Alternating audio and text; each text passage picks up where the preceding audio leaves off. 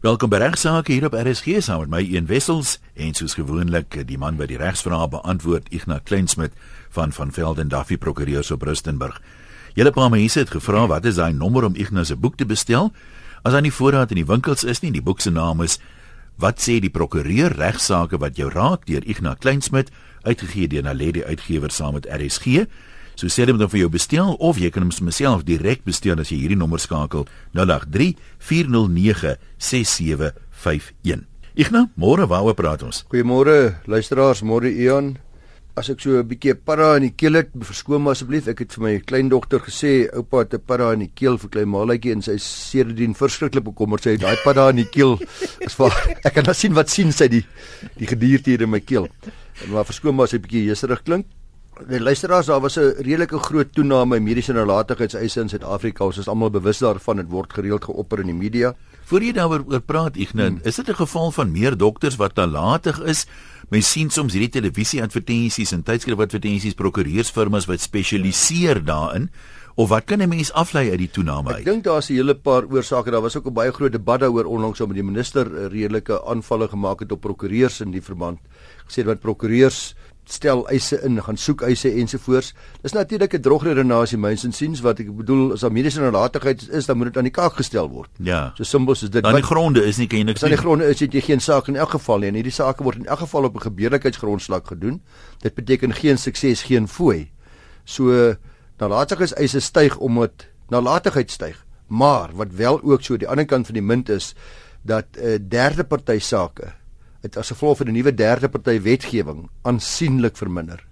So daar is talle prokureurs wat voltyds hulle self besig hou het met derde party sake, MVO sake, motorvoertuig ongeluksake, mm, mm. weet teen die fonds en daardie sake het as gevolg van nuwe reëls en nuwe plafonne dramaties verminder in alle prokureurskantore en mense vind nou dat prokureurs hulle fokus verskuif het vanaf daardie motorvoertuig ja. ongeluk botsings na mediese nalatigheid is omdat dit min of meer dieselfde veld is en daar daar's die die kundigheid daar kan ook baie goed gebruik word wat mediese nalatigheid eise betref. Want ek kan nie help om te dink as ek ben nou in die skoene van die gemiddelde lid van die publiek plaas as alle hofsaake gewerk het op die basis van as jy die saak wen betaal ek jou ons kry mos nou eis wat bedrag en ek neem aan dis waar uit die vergoeding dan kom vir die regspraktisyn. Ja.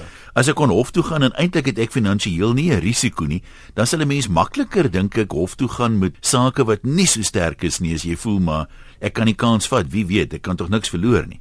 Ja, absoluut so. Dis waarom die gebeurlikheidseise normaalweg sal 'n prokureur net dit oorweeg om dit te doen. Dis vrywillig vir die prokureur se kant af. Dis nie verplig nie. Maar hy sal dit net doen as hy 'n redelike vooruitsig op sukses het. As eers die meriete behoorlik ondersoek ja. en dan die redelike vooruitsig op sukses bepaal, dan kry hy gewoonlik 'n persentasie en die wet op gebeurlikheidsgelde bepaal dat daardie persentasie is beperk tot 25% van die bedrag gevorder of dubbel jou gewone prokureur en kliënt fooi wat ook nog al die minste is. In 'n woorde, as ek normaalweg sê net maar vir die saak sou R15000 gevra het, as ek dan my fooie sou takseer, dan kan ek R30000 vra.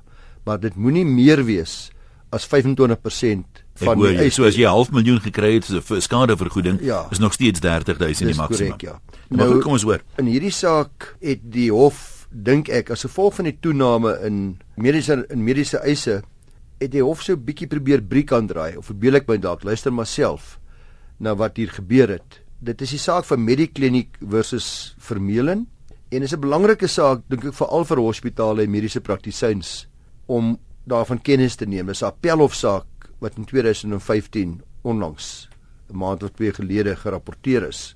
Vermeulen, die applikant in hierdie saak, is opgeneem in die Medikliniek Hospitaal in Nelspruit. Uh dit was vir die verhandeling van malaria wat hy daar in Mosambiek opgedoen het. Gedurende die 2 maande wat hy in die intensiewe eenheid gelê het, het hy 'n bedseer in die area van sy sakrum ontwikkel, uh wat later tot senuweeskade gelei het.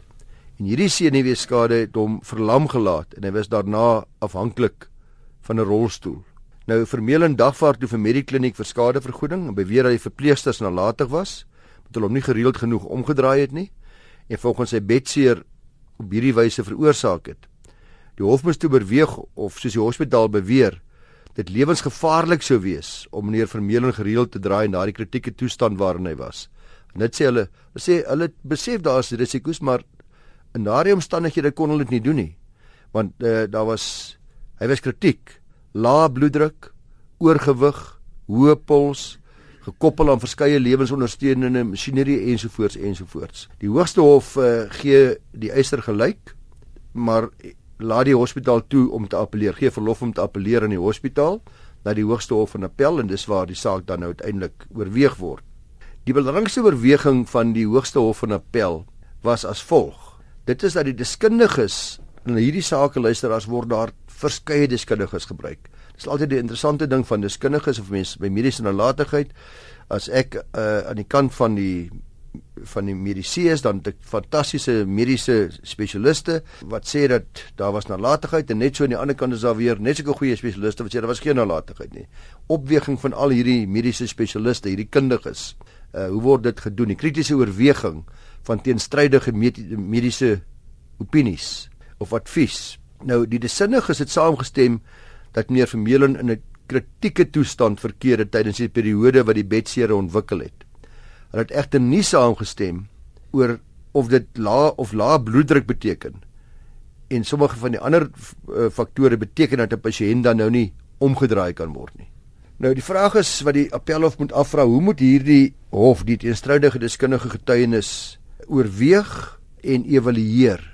Nou regter Zondi namens die appelhof, namens die vyf regters het bevind dat die partye se deskundige getuienis in ag geneem moet word om te bepaal of verpleegsters weer nalatig was. Die lig daarvan dat hulle na bewering nie gereeld genoeg vir vermeerdering omgedraai het nie. Dit is belangrik dat 'n hof se voorkeur, dis eintlik waaroor hierdie saak gaan luisteraars, dat 'n hof se voorkeur aan een professionele opinie teenoor 'n ander nie noodwendig genoeg is om nalatigheid daar te stel nie. Aan die ander wyse, jy skindige A, jy skindige B, nou sê ek, weet jy wat ek hou 'n bietjie meer van wat A sê. Ek swaai bietjie om my my waarskynlik hier gaan hier in die rigting van A maar die appelhof sê die hof moet beslis of daar 'n versuim was om op te tree in ooreenstemming met die aanvaarbare praktyke van 'n spesifieke veld. Nie of 'n eendeskundige noodwendig beter as die ander een is nie. Tydens hierdie oorweging moet die hof seker maak dat die gespesialiseerde professionele opinies 'n logiese basis het en of die deskundiges werklik alles oorweeg het om hierdie gevolgtrekkings te maak alle risiko's en voordele in verband met die omstandighede. En vir solank as wat so mediese kundige opgetree het in ooreenstemming met 'n redelike en aanvaarbare standaard wat die hof daarstel vir so mediese opinie, kan sy kan die optrede nie bloot as nalatig beskou word in gevalle waar 'n ander mediese deskundige ook volgens 'n redelike en aanvaarbare standaard anders bevind het nie. So dis 'n baie klein skeidslyn wat die hof hier trek. Die Hoogste Hof van Appel bevind dat die Hof fouteer het deur bloot die eise se deskundige getuies se opinie te aanvaar om te sê daarom omdat ek hierdie een opinie aanvaar sê ek jammer daar was nalatigheid aan die kant van die hospitaal. Die eise se deskundige het volgens die hof nie alle moontlike voordele en nadele van die omstandighede krities oorweeg om tot 'n gevolgtrekking te kom nie en die appelhof sê die vorige hof het versuim om daardie deskundige getuienis krities te oorweeg volgens twee kritiese vrae. Eerstens het die deskundige getuienis 'n logiese basis tweedens het die deskundige in die vorme van sy opinie oor die saak werklik oorweging geskenk aan die vergelykende risiko's en voordele van die omstandighede en was die bedseer dus werklik voorkombaar. Nou die Hooghof se bevinding dat die verpleegsters wel nalatig was, was gebaseer dus op die opinie van die een getuie en die hof sê dis verkeerd. Die redenasie van die ander deskundige was ook gebaseer op logiese beredenering en het ook al die tersaaklike moontlikhede en alles krities oorweeg en die hof sê gevolglik slaag die verweerders in hul appel en die eis van meneer Vermeulen teen die hospitaal word as gevolg hiervan van die hand gewys. Die hof het duidelik gemaak dat hulle wel simpatie het met meneer Vermeulen se saak. Dit tot die nadeel, dis die belangrike deel wat ek gesê het. Luister maar bietjie wie hof besig is om briek aan te draai hierso. Wat probeer die hof hier doen? Appel hof nogal.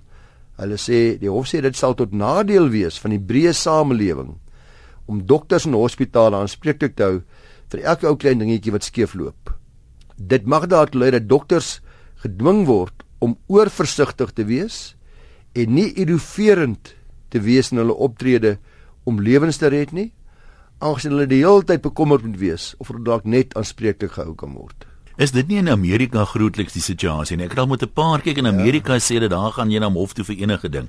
Ek het al gehoor daar van 'n dokter wat byvoorbeeld op 'n ongelukstoneel afkom langs die pad.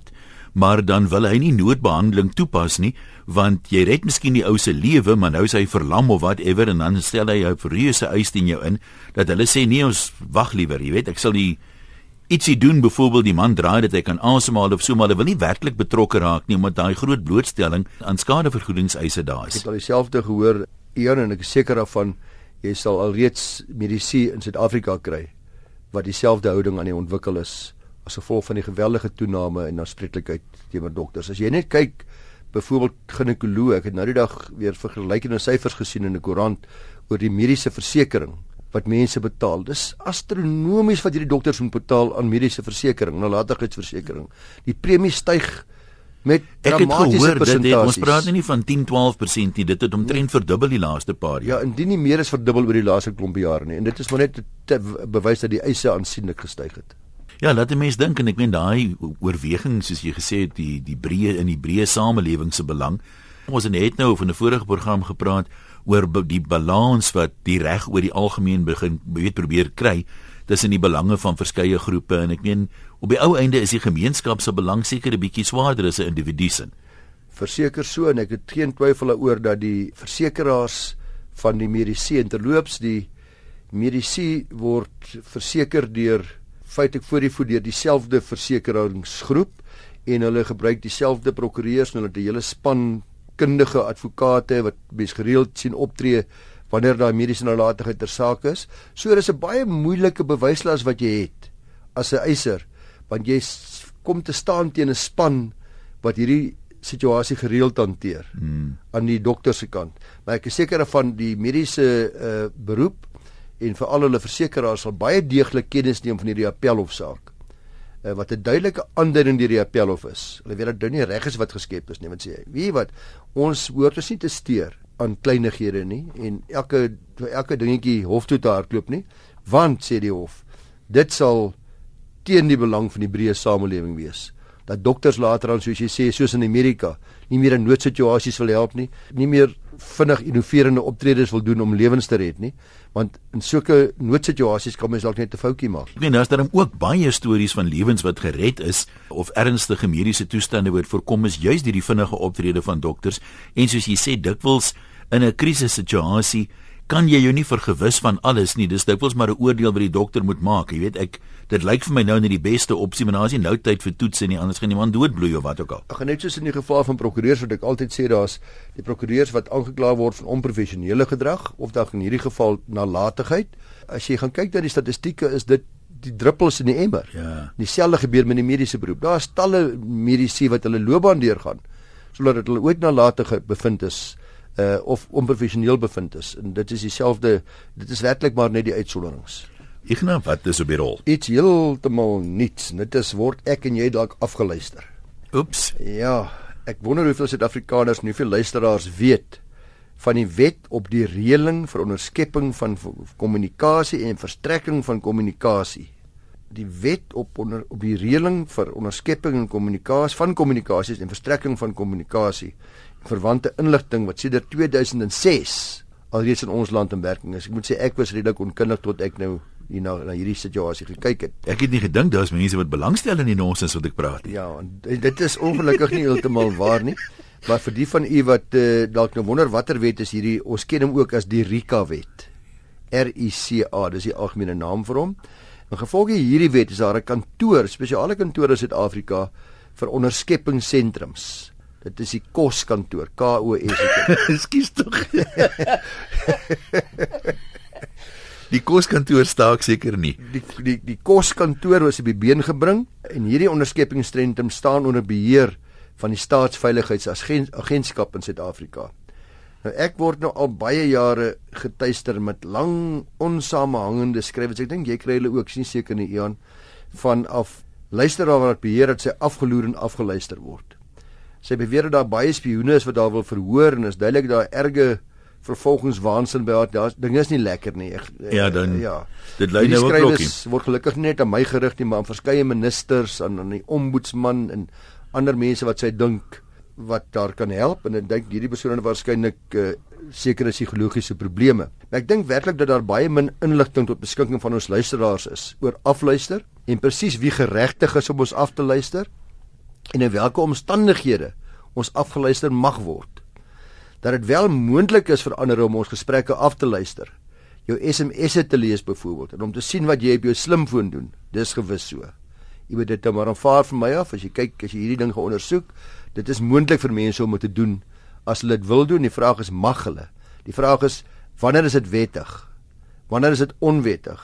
En wanneer weet ek of jy dat ons afgeluister word? Of is daar 'n manier dat ek of jy kan weet dat ons afgeluister word?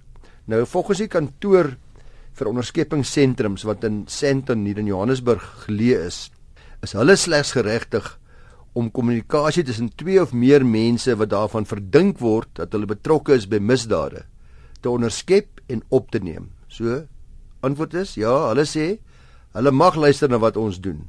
As ek en jy met mekaar praat een of tussen twee of meer mense wat daarvan verdink word dat ons betrokke is by misdaad. Dis uiteraard 'n geloofwaardige situasie want dit sekerlik 'n baie groot bydrae maak om misdaad in ons land hok te slaan. Ons moet begrip daarvoor. Dit is seker nodig soms. Praat ons nou van goed soos georganiseerde bende misdaad, ja, neem ek aan. Syndikaate, daai tipe goed. Die die die wet sê net enige twee of meer mense wat daarvan verdink word dat hulle betrokke is by 'n misdaad. Nou dit kan natuurlik dan die daai daai misdaad definisie is baie wyd. Dit blyk dat selfoonoperateurs dis nou die mense wie u selfoon bedryf dat hulle verplig is ons ken almal die bekende 3 of 4 name in Suid-Afrika diensverskaffers dat hulle verplig is om alle oproepe regstreeks na hierdie onderskepingsentrum te herlei. So hierdie ouens wat in Sandton sit hulle moet bitter besig wees daar. Elke oproep wat gemaak word word deur na hulle herlei. Dis dalk waar die heen gaan wat wat wat so drop van my oproepe sit vas daar. Hulle luister dalk nog daarna. Dit mag wees. Dit gee wel aan ons gemoedsrus om te weet dat enige onderskepping van ons kommunikasie altyd onderhewig is aan 'n hofbevel wat deur 'n regter uitgereik word. Daar is nou die daar is die lekker deel af. Maar ek ek verstaan nie nou so, nie. Is al die oproepe direk na hulle toe gaan waar kom die hofbevel in? Nee, hulle kry dit daar en dan moet die hofbevel sê dit sou dit word by hulle gestel. Hulle hulle so, hulle stoor daar, dit en as hulle dit sou wou dan moet hulle eers dan, dan moet okay. hulle eers daardeur gaan. Dit sluit dus die moontlikheid vir misbruik effektief uit Nou of dit nou regtig so in praktyk gebruik. Daar's mense wat daaroor wonder. Dit weet ek nou nie. Dit nou wel so gebeur dat daar altyd eers 'n hofbevel is. Sal ek nou nie weet nie onthou hierdie mense val onder die beheer van die uh, soos ek gesê die ja, staatsveiligheidsagentskap. Mens kan nie help om te vra wie sal nou weet nie. Ek het 'n ruk terug gelees dat 'n professor Basie van Solms, is 'n bekende Ek het naam, van hom al gehoor, ja. Hy's 'n direkteur van die Sentrum vir Kuberveiligheid. Ek het hom al oor die RSG ook hoor uh, dingetjie sê dink ek. Uh, hy is by die Universiteit van Johannesburg. Hy sê byvoorbeeld dat hy self glad nie sy slimfoon gebruik om sy banksake te behartig nie. Om te sê daar's altyd die moontlikheid van afluistering by die gebruik van 'n slimfoon. So hy vertrou die vrede nie en hy is so nie betrokke by misdaad of sulke dinge nie. Ja, my bank antwoord nie eers as ek bel nie, so dis gelukkig ook nie. Hierdie selfde professor het gesê dat Suid-Afrika is die land met die derde hoogste hoeveelheid of getal kubermisdaad slagoffers ter wêreld. So ons is dan eers in die top 3. en ons weet nie hoe dit gebeur nie. Ons weet nie waarom dit so hoog in Suid-Afrika is nie. Dis dis vreemd. Uh, dit laat egter vraagtekens ontstaan oor afluistering en laat 'n mens wonder wie die kommunikasie onderskep in Suid-Afrika en waarheen dit oral gaan want dis al en ek hoe kubermisdaad eh, 'n uh, goeie bestaan kan maak. Ek dink 'n uh, ekskuus ja luisteraars ek het vergeet om te sê dat behalwe vir die kantoor vir onderskeppingssentrums wat kommunikasie tussen individue kan onderskep tussen ek my en jou tussen individue is daar ook die nasionale kommunikasie sentrum hulle is nie kos nie hulle is NKS wat radiosyne en internasionale kommunikasie kan onderskep so hulle is op 'n ander vlak wat van onderskepping radiosyne internasionale kommunikasie onderskep hulle sorteer ook onder die staatsveiligheidsagentskap maar ek het probeer vasstel wat daar gebeur en hoe dit gebeur maar weet ons baie min van wat daar gebeur en hoe dit gebeur. Maar luisteraars, hierdie was my interessant om bietjie na hierdie situasie te kyk vir die eerste keer uh, in my loopbaan. Maar soos jy sal sien, is dit maar redelik vaag en verwarrend.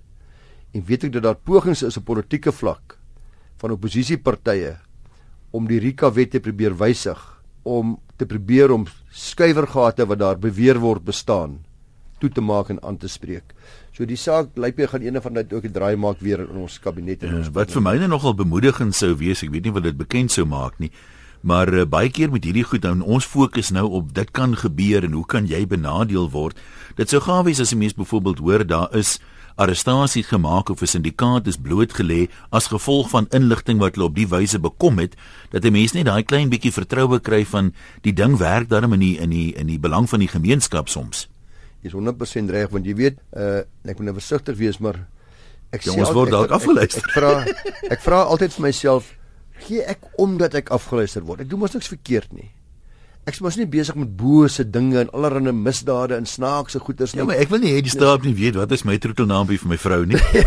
ja, maar as mens mooi daaroor dink, as jy kyk na openbare belang, bekamping van misdaad en om werklik vir ons almal te beskerm teen dit wat uh wat boos is. Ja. Uh dan wonder ek baie keer of dit nie liewers moet breër toegepas word as liewer uh enger nie. Ja, ons kan nog so 'n kort uh, bydra in werk by vandag se program. Ja, Hooplik jaag ons nie op die paaie nie. Wie hooplik hooplik oorskry ons nie die spoedgrens nie. Maar net vir die interessante sondalwe. Die enkeles wat wel doen. Die van u wat wel meer as 30 km per uur vinniger ry as die spoedgrens in die stad of meer as 40 km per uur die spoedgrens oorskry buite die stad. Daar's baie stories. Elke tweede ou met breedvis weer 'n ander storie en ek ek luister maar altyd aandagtig en ja. reageer nie oor wat wie gevang word en waarvoor en wanneer gaan mens tronk toe wanneer gaan jy nie tronk toe nie. Maar uh, kloete en neveling is uh, prokureurs af en Harry Smit het hierdie ding uh, in 'n Botswana en die nuusbrief baie netjies ja hulle is daar in die opges hulle is daar in die Gaza strook van verkeersreg ja. hulle sê en ek gaan dit ek gaan aanhaal uit, uit hulle nuusbrief uit hulle vertel eers 'n mooi storieetjie. Hulle sê Louise is op pad skool toe met die kinders Pad is verbasend stil vanoggend. Sy let nie jy is op haar spoed nie. Skielik spring 'n verkeersbeampte voor haar in en trek haar af. Louise kyk af en sien sy het net oor die 90 km/h gery. Sy staal haarself vir die verkeersboete, maar is geskok toe die verkeersbeampte kennisgewing aan haar hande en haar inlig dat weens die feit dat sy die spoedgrens in meer as 30 km/h oorskry het, sy ongelukkig in die hof moet verskyn. Jy weet hierdie mense wat probeer omkoop langs die paai het mos gedurig hierdie storie. O, oh, nou dronksaak. Jammer meneer, hmm, hierdie is ja, dronksaak. Ja. Sorry sir, no no option. Nou moet jy klaar weet daar daar's da 'n geldjie wat hy probeer uit jou uitwurg, maar baie keer is dit is dit ook waar. 30 km/h in die stad, sy 60 km/h sone het sy gery, dit was net oor die 90. Sy hoor sy moet in die hof wees. Nou vraag is hoe hoe is hoekom is dit so? Sy het dan nie so vinnig gery nie uh, wat het geword nou van 'n gewone verkeersboete. Sy maak al gereed toe om hof toe te gaan, te gaan kla oor haar behandeling, sy is vies, maar uh, sy arriveer by die hof onverteenwoordig sonder 'n prokureur. Is verder geskok om uit te vind dat nie net word sy skuldig bevind aan 'n verkeersoortreding nie, maar sy kry boonop 'n kriminele rekord en haar bestuurslisensie word opgeskort vir 'n periode van 6 maande is 'n ware verhaal en die prokureur en die nuusbrief vra is dit reg? Kan dit so wees? Hoe hoe hoe dis dan dit klink te rof. Die kort antwoord sê hulle is ja dis korrek. Meeste mense is onbewus dat die nasionale padverkeerswet gewysig is in 2008 uh, eh, met die wysigings wat onlangs van krag geword het eers nou onlangs om te voorsien dat waar 'n persoon skuldig bevind word aan die oorskriding van 'n spoedgrens met meer as 30 km/h in stedelike areas of meer as 40 km/h in areas buite stedelike gebiede, daardie persoon se lisensie opgeskort kan word vir 6 maande in die geval van 'n eerste oortreding. Waar die persoon skuldig bevind word vir 'n tweede oortreding, kan die persoon se lisensie opgeskort word vir 5 jaar in die geval van 'n derde of verdere oortreding vir 10 jaar. Die gevolge van hierdie bepalinge is drasties vir alle padgebruikers. Nie net moet jy in die hof verskyn nie, sê die wet nie, wysigingswet nie, maar jou lisensie of jou permit dan kan boonop opgeskort word en jy kry 'n kriminele rekord. Maar die hof het 'n diskresie daaroor. Dit is nie sonder meer dat dit nou opgeskort correct, gaan word nie, correct. afhangende van waar dit is en kan dat kan jy dalk 'n ja, bietjie buitestraf. Die, die wet vereis wel dat 'n persoon skuldig bevind moet word voor hierdie gevolge sal intree. En aangesien die oorskryding van die spoedgrens 'n kriminele oortreding is, moet die staat natuurlik ook beredelike twyfel bewys dat jy die groot spoedgrens wel sou oorskry het. Maar wat gebeur as jy in 'n noodsituasie is byvoorbeeld en jy moet byvoorbeeld jou siek kind hospitaal toe jaag, so is daar uitsonderings, kan jy daarom gaan betoog, kan jy gaan verskoning vra, het die hof 'n diskresie? Die antwoord uh, is gelukkig ja, die hof het 'n diskresie. Selfs al word jy skuldig bevind, kan jy getuienis leer om te bewys dat daar omstandighede rondom die oortreding begaan is wat nie die opskorting van jou lisensie regverdig nie, byvoorbeeld 'n mediese noodsituasie, siek kind. Die hof kan dan na gelang van die omstandighede besluit maak om nie die opskorting op te lê nie of om die periode van opskorting te verminder. Maar bestuurders, wees versigtig. Die dae van slegs jou boete betaal is verby.